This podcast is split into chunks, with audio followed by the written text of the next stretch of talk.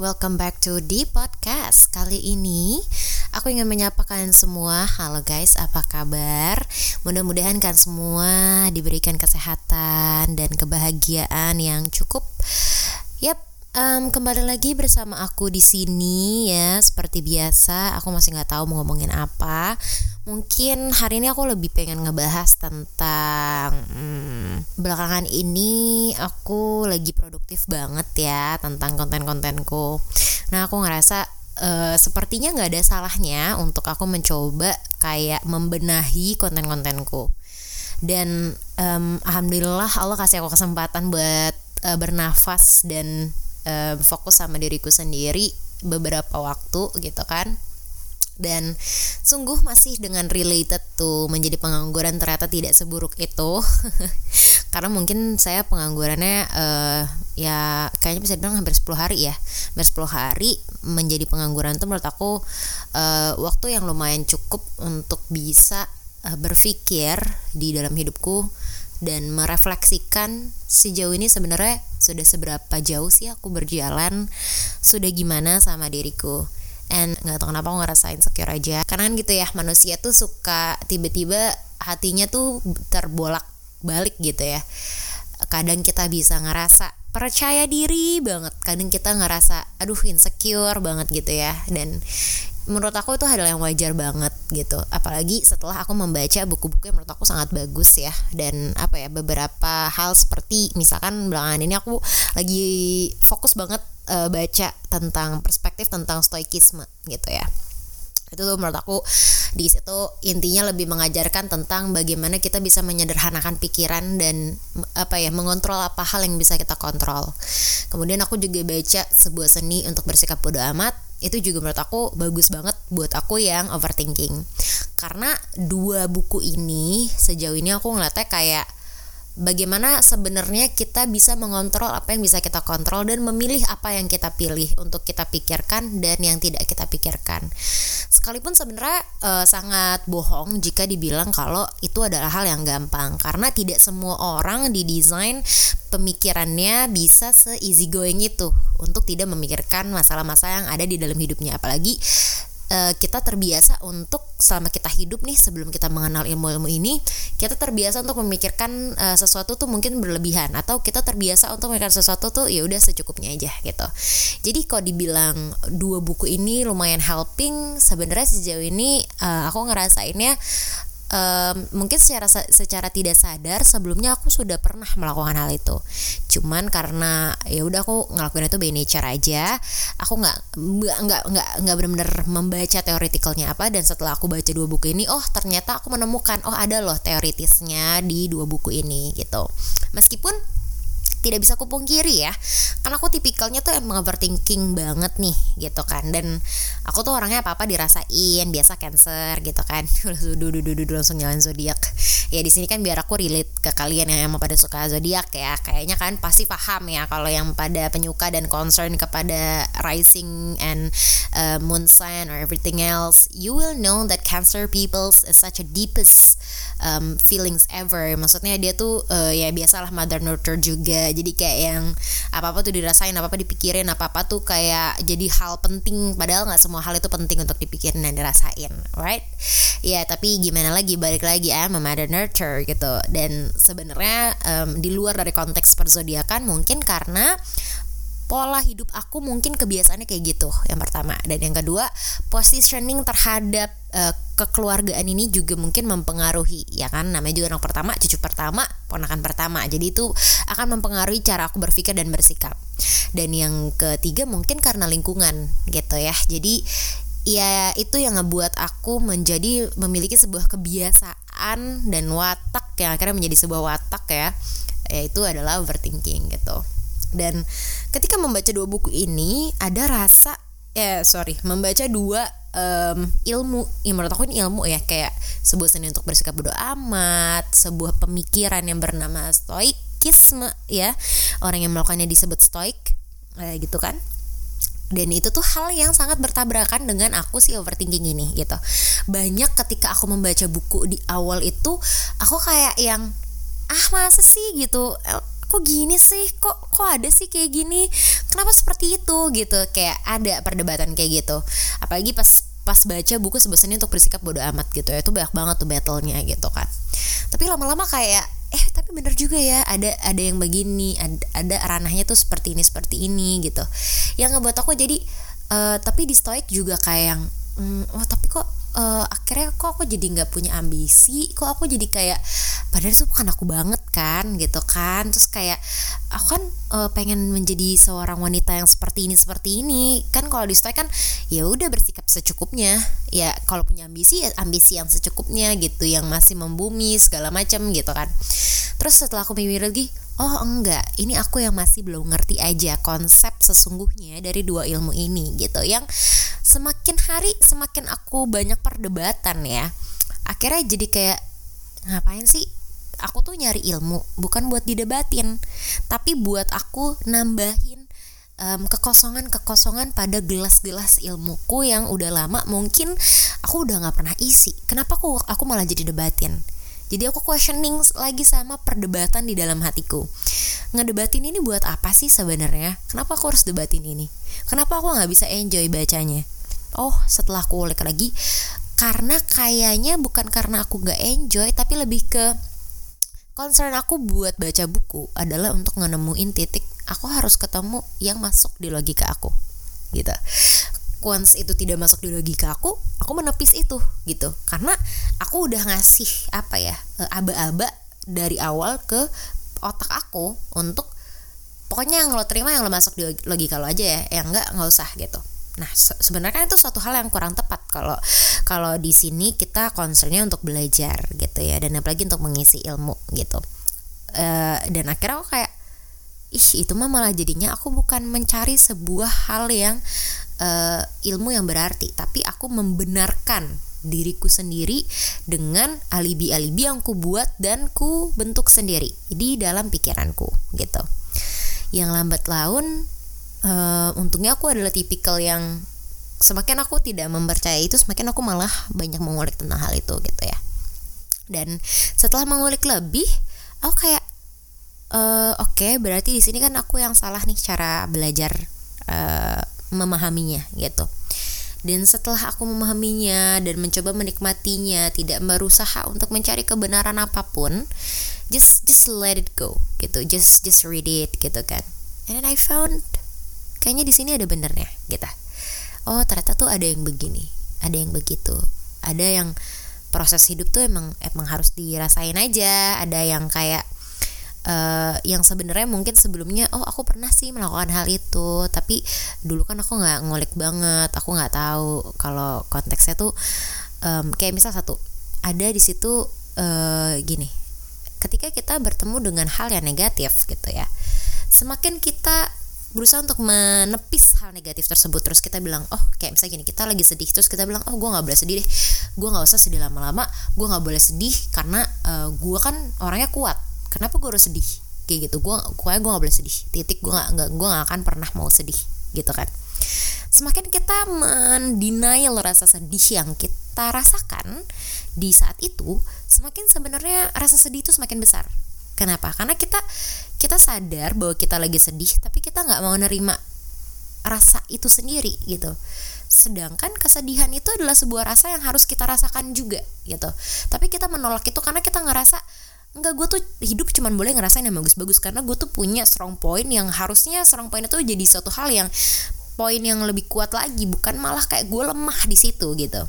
Nah, itu ada sebuah pemikiran yang kurang tepat sebenarnya ternyata karena itu bukan malah jadi membuat kita lebih baik, tapi malah semakin lebih buruk. Karena apa? Karena emosi negatif ya atau rasa yang negatif itu sebenarnya bukan untuk dilawan, tapi untuk dirasakan dan uh, uh, bukan untuk kayak di denial gue nggak boleh ngerasain ini karena gue adalah orang yang begini gini gini. Oke lo kuat, oke lo begini, tapi untuk sampai lo di titik di titik kuat adalah lo harus merasakan dulu rasa sedihnya. Lo harus terima dulu kalau lo tuh lagi sedih. Lo harus terima dulu kalau lo tuh lagi gagal. Lo harus terima dulu kalau lo tuh memang lagi ngerasa nggak berguna lo harus terima dulu bahwa lo tuh emang lagi di fase depresi misalkan. Lo lagi di fase stres misalkan. Baru dari penerimaan-penerimaan itu lo bisa menemukan titik fight backnya seperti apa. If you let go the feelings the way it is gitu. Mungkin benar emang kita nggak boleh stuck di rasa itu lama-lama. Itu benar. I'm quite um, uh, setuju dengan hal itu tetapi yang jadi gue kurang setuju adalah ketika we are try to deny every single emotion that we have gitu. That we pass it gitu. We we want to fight because because we think we are a strong enough peoples and we don't deserve of this painful. We don't deserve to to to feel useless and unworthy and unempowered padahal kenapa sih nggak semua manusia tuh tidak tidak berarti manusia kuat adalah manusia yang tidak pernah merasakan sedih. Tidak berarti manusia yang terlihat kuat adalah dia benar-benar kuat. Karena bisa jadi kekuatan yang kita lihat itu adalah dari penerimaan yang udah dia lewati sebelumnya. You know, gak ada kuat yang tiba-tiba kuat. Menurut gue itu gak ada. Itu bohong. Itu tuh cuman you wear another mask to feel that you're a strong peoples. In fact, you are not. Ya kan? yang menurut gue you just wasting your time kenapa karena lo cuman jadi kayak memupuk bom waktu dalam diri lu yang at the end it will be apa ya keluar juga dan we never know akan keluar dengan output yang seperti apa dan kan kita berharapnya berdoanya hidup tuh biar kayak uh, kita bisa merasakan rasa bahagia yang cukup rasa sedih yang cukup ya kan? And once we we don't accept that negative feelings or negative emotions then itu hanya hanya akan membuat bom waktu yang semakin besar dan itu hanya akan me, berujuk pada suatu hal yang ya mungkin bisa jadi itu akan out of our controls and we don't we don't want that right ya kan? So daripada nantinya gimana gimana mending lo rasain aja semuanya. Nggak usah lo sok-sok ayo gue kuat kok gue kuat kok. Iya lo kuat tapi lo harus rasain dulu rasa sakitnya gitu. Sama kayak ketika uh, hmm, hal ini berujuk pada misal uh, waktu itu aku lagi ngerasa um, useless unworthy terus nggak punya power apa apa gitu nggak uh, ada pemasukan nggak ada jabatan nggak ada yang nggak ada power apa pun lah gitu. And then apakah aku ngerasa sedih akan hal itu? Oh sangat. Depresi. Eh, aku nggak tahu. Karena aku nggak sempat kontrol lagi gitu ke uh, psikologku. Cuman ada banget momen tiga hari tiga malam aku ngebiarin kamar tuh uh, tertutup gelap terus kayak ya udah tidur aja gitu tidur. Terus kayak iya iya buka pintu tapi jendela tetap kututup gordingnya kututup. Pokoknya segimana mungkin aku buat kamarku tuh gelap terus kayak hening uh, meskipun nih tukang di rumah bawel banget berisik banget nih alat-alatnya nih. Cuman kayak ya udah pokoknya yang penting kamar gue tuh harus apa ya uh, memberikan suasana tuh uh, sepi sejuk terus kayak yang ya pokoknya gue lagi pengen sendiri aja gitu. Sampai kayak ada di feeling momen kayak gue nggak pede keluar karena gue udah nggak punya apa-apa sekarang gitu. Hanya karena gue jobless gitu. Padahal duit gue masih ada aja sih di ATM cuman kan kayak iya tapi kan gue jadi mikir ya sebulan ke depan gimana ya nanti bla bla bla gitu. Apalagi udah mau lebaran nggak punya pemasukan kan pusing ya say. Itu kan um, biological thinking seorang manusia menurut gue ya. Nggak wajar gitu kan. Apalagi kita uh, sebagai manusia tuh kadang kita ada rasa pengen ngasih yang terbaik ya di momen-momen tertentu gitu. Seperti misalkan ya kalau di muslim ada momen lebaran kita pengen ngasih sesuatu yang lebih lah kepada keluarga kita kepada orang sekitar. Apalagi sekarang covid juga udah turun banget udah udah mulai bebas nih gitu kan. Uh, pasti ada banget nanti kan momen kayak uh, lebaran tuh pasti anak-anak udah mulai bisa keliling minta duit gitu kan. Ada banget momen kayak berharap banget tuh kayak bisa ngasih di momen itu gitu. Karena kan finally dia bisa ngasih juga yang uh, bebas gitu sekarang kan. Terus uh, jobless terus kayak mikir nggak nggak dapat pemasukan nggak ada thr kan bingung ya mau ngasih orang apa. Senyuman doang. Ya nggak apa-apa juga sih sebenarnya nggak masalah. Cuman kayak ya se sebagai bentuk seorang manusia ya yang punya harapan dan mimpi pengen juga gitu.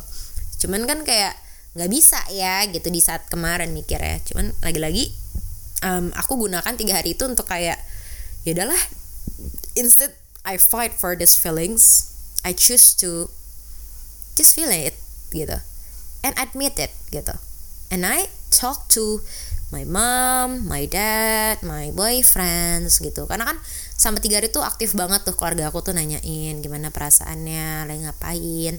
Ya gue bilang, ya beginilah seorang jobless. I don't do anything, nothing to do gitu kan. I just sleep uh, and ya udah mondar mandir kamar kamar mandi kamar kamar mandi pipis terus cuci tangan makan tidur lagi nonton YouTube drakoran and repeat gitu kayak sedih sih soalnya nggak bisa nggak ngapa-ngapain bikin kepala aku tuh pusing gitu gue ngomong kayak gitu ke nyokap gue uh, nyokap gue bilang ya udah nggak apa-apa. Just enjoy your jobless time. Kapan lagi kamu bisa istirahat kayak gini? Kata nyokap gue kayak gitu kan. It's been almost five or six years you are too busy on yourself and you don't have any uh, enough time to to yourself then. So just just feel it. Nggak apa-apa gitu kan.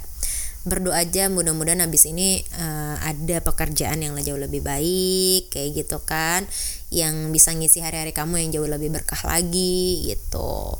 Nggak apa-apa gitu. Nanti kalau misalkan udah feeling better lamar-lamar lagi kayak gitu. Terus juga cowok gue juga misalkan kayak cowok gue di momen hari-hari itu tuh cowok gue ngajakin ke rumah saudaranya rumah omnya. Gue bilang ehm, sayang maaf banget aku bukannya nggak mau ke rumah keluarga kamu. Cuman aku nggak lagi ngerasa uh, apa ya ngerasa baik-baik aja untuk ketemu sama orang yang uh, orang asing buat aku gitu. Bahkan keluarga aku aja nggak sem semua keluarga aku aja aku temuin karena Uh, terutama yang mutiku yang mutiku aja tuh baru tahu aku jobless tuh pas H plus 3 apa H plus 4 aku jobless deh. Karena aku belum siap gitu untuk ngomongnya untuk ketemu dianya gitu. Kayak menghindar gitu. Ketemu ketemu ketemu baru H plus 4 H plus 3 gitu. Sama tante-tanteku yang lain terus sama yang ngutiku itu juga kudu ditelepon dulu karena e, mereka denger langsung dari mamaku gitu. Mamaku tiba-tiba baru ngasih tahu gitu. Nunggu itu dulu. Kalau nggak ada momen itu kayaknya gue tetap akan menghindar gitu. Cuman ketika uh, itu gue bilang sama pacar gue gitu. Aku belum di saat aku belum di kondisi yang uh, punya energi cukup buat ketemu sama orang lain gitu. Bukan berarti aku nggak mau ketemu sama kamu cuman aku nggak mau ketemu sama keluarga kamu tapi kondisi aku tuh dalam kondisi yang aku nggak lagi happy sepenuhnya. Aku aku di dalam diriku tuh lagi struggle banget buat ngerasa in ini gitu. Kayak aku nggak mau maksain untuk kayak sok happy di saat aku aja lagi ngerti feelingku tuh mau happy atau mau sedih atau mau marah atau mau kecewa aku masih nggak ngerti. Jadi um, aku ketemu sama kamu tuh karena buat ngeboosting aku gitu. Karena aku mengizinkan kamu buat terbuat buat bertemu sama aku. Karena aku ngerasa uh, dengan bertemu sama kamu tuh agak lebih better aja aku gitu. Biar nggak ngerasa ya sepi banget gitu kan. Kayak biar nggak ngerasa aku tuh kayak seenggaknya kalau ada orang di sebelah aku tuh aku ngerasa aku ada temennya aja gitu. Ya ya sepi sepi bukan dalam arti sepi nggak ada siapa-siapa nggak tapi kayak ya gimana sih? Namanya juga ya aku kan nggak pernah di posisi kayak gitu ya bu terus kayak aku nggak ngerti coping mekanismenya harus seperti apa. Once aku ada di posisi itu ya aku juga jadi kebingungan gitu. Alhamdulillahnya uh, di, aku punya pasangan yang yang menurut aku oh dengan dia tuh aku bisa berbagi rasaku gitu. Gitu. Itu sampai di titik itu aku ngomong kayak gitu gitu. Buat apa? Yang pertama aku aku tuh memberikan itu kepada aku mengizinkan itu untuk diriku karena aku memberikan space buat diriku sendiri ngerasain apa yang aku rasain. I don't try hard to avoid it dengan perasaan itu. Tapi aku juga memilih untuk mana hal yang masih bisa aku kontrol dan masih dalam kendaliku. Kayak misalkan aku meng masih mengizinkan beberapa orang yang emang aku izinkan untuk bertemu berbicara ngobrol gitu ke tempat ke tempat-tempat pergi-pergi juga. Cuman nggak kebanyak kebanyak tempat yang kayak apalagi aku tahu di tempat itu tuh mungkin aku bakal ketemu sama teman-temanku gitu. Enggak aku aku lebih baik menghindar dari situ karena bukannya kayak mendinai rasa sedihku enggak tapi ya aku malah justru ngizinin perasaan sedihku gitu. Dan aku memilih hal-hal yang bisa dan mau untuk aku bagikan dan untuk aku perlihatkan rasa ini gitu. Kemudian uh, ya aku juga memberikan boundaries kepada orang-orang di sekitarku mana yang uh, mereka bisa lakukan kepada aku mana yang seenggaknya mereka bertoleransi dulu untuk jangka waktu yang ya aku nggak tahu gitu sampai kapan. Cuman kayak eh, seenggaknya mereka tahu bahwa ini aku lagi di fase ini aku mohon pengertiannya aja gitu. Tapi lama-lama akan awalnya aku kayak uh, takut bakal lama ya kayak gitu gitu uh, tapi ya udahlah daripada aku mikirin sampai kapan aku ngerasain ini ya aku rasain aja dulu gitu sampai kapannya urusan nanti gitu kan. Setelah aku ngerasain tiga hari itu ya malah jadi kayak positioning hidup tuh jadi kayak kebalik gitu. Malah jadi kayak oh tiba-tiba keluarga aku tahu ya kan mau nggak mau kan ketubruk hidup gitu kan. Kayak ya mau nggak mau harus ngomong ketemu akhirnya ketemu pelan-pelan kayak gitu. Terus kayak lama-lama uh, oh jadi kayak punya semangat sendiri aja nggak tahu kayak jadi kayak yaudah deh kok kayaknya nggak ngapain nggak enak banget ya. Kayak di kamar aja gitu tuh kayak nggak enak banget gitu. Yaudah deh yuk ngapain kek gitu. Akhirnya itu me time. Ketemu deh konten one day one improvement gitu. Nggak itu tuh kayak nggak aku pikirin banget sebenarnya. Cuman kayak ya udah naturally aja gitu.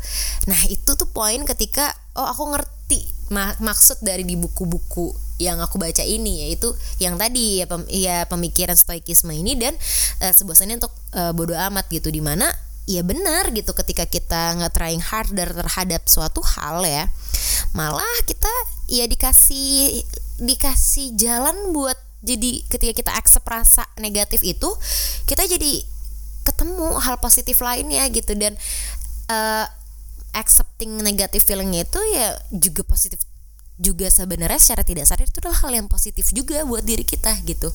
Karena kita membiarkan hal itu terjadi gitu. Nah di sini poinnya uh, mungkin yang bisa aku bagiin ke teman-teman adalah kan banyak juga nih teman-teman yang suka curhat gitu. Terus kayak nanya sama aku gimana sih caranya biar kayak bisa uh, punya positive vibes terus? Terus kayak bisa kontrol negatif feelingnya. Ya menurut aku nggak ada orang yang positif vibes terus anjir. Kayak apa yang kalian lihat di sosial media? Nggak 100% bener. Karena kan orang itu berbagi di sosial media tuh pengennya yang bagus-bagus aja ya say gitu kan. Jangan sampai orang ngelihat yang sedih-sedihnya. Jangan kan sosial media kita sama tetangga kita sendiri aja kak. Ya ada momen-momen jangan sampai tetangga tahu misal kayak gitu. Atau kayak sama keluarga sendiri aja kadang uh, ya udahlah keluarga, keluarga kita aja yang tahu kalau kalian jangan. Ya sama kayak ya kayak berkehidupan bersosial media ini gitu. Nggak semua hal yang kalian lihat kalian benar-benar tahu itu kalian benar-benar ngerti orangnya gitu loh. Karena nggak semua hal juga dibagikan di sosial media gitu loh. Karena kan uh, waktunya do, nggak 24 jam bener-bener gitu loh. Kalian di sebelah orang itu gitu. Dan positive vibes itu nggak bisa cuma kayak kalian ngarepin doang ya juga kalian harus bangun. Tapi kalian fokusnya jangan di positive vibesnya tapi gimana caranya uh, bisa mengimbangi positif dan negatif feelings ini biar kayak berjalan seapa adanya itu gitu. Nggak usah maksa buat jadi positive vibes juga nggak usah. Nggak usah maksa buat oh gue nggak boleh punya negative feelings gue nggak boleh ngerasain negatif.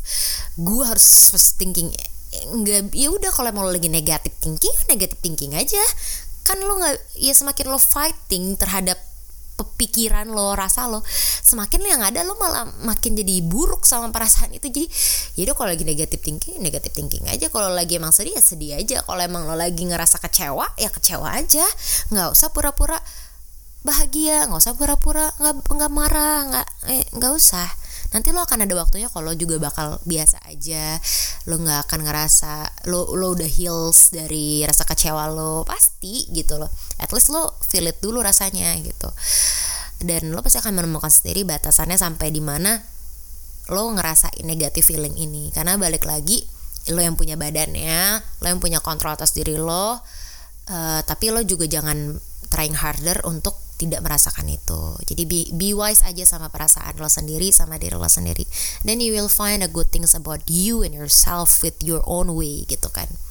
just be the way you are just feel it the way you are seenggaknya lo mengkomunikasikan rasa negatif lo dan itu adalah suatu cara yang sangat polite untuk diri lo sendiri dan orang di sekitar lo gitu misal gini tapi juga jangan kayak lo lagi sedih terus uh, lo sedihin semua orang gitu semua orang kena impactnya gitu. Iya yang sampai ngerugiin orang menurut gue ya jangan juga lo harus tahu juga di mana lo harus bersikap. Ada kalanya lo harus merasakan tapi lo juga harus tetap punya kontrol. Ada kalanya ya udah dilepasin aja gitu. Tapi lo komunikasikan biar orang-orang di sekitar lo juga nggak bingung lo kenapa kayak gitu. Menurut gue menjadi dewasa tuh pelajaran yang sangat lifetime journey and lifetime lesson. Nggak bisa uh, ditemukan hanya satu dua cara akhirnya lo bisa constantly pakai cara itu. Nggak bisa. It's it will be your lifetime journey. Jadi sometimes today I can say like this but we never know uh, it, it is it will be works on a one month or one year ahead we never know because we're uh, dynamic humans we're dynamic peoples ya yeah. uh, manusia yang dinamis So mungkin segitu aja yang bisa aku bagikan di hari ini. I hope you guys ha having a very good days, happy feelings, enough feelings, and um, even though there's these days not works as the way you want or the way you're expecting it's okay. It's just a bad day it's not a bad life yeah. And just accept the uh, accept all of all of that you have. Bad things or good things uh, bad emotions good emotion that you feels because that's you. It makes you to be you. Yaudah gitu aja Bye bye See you in next podcast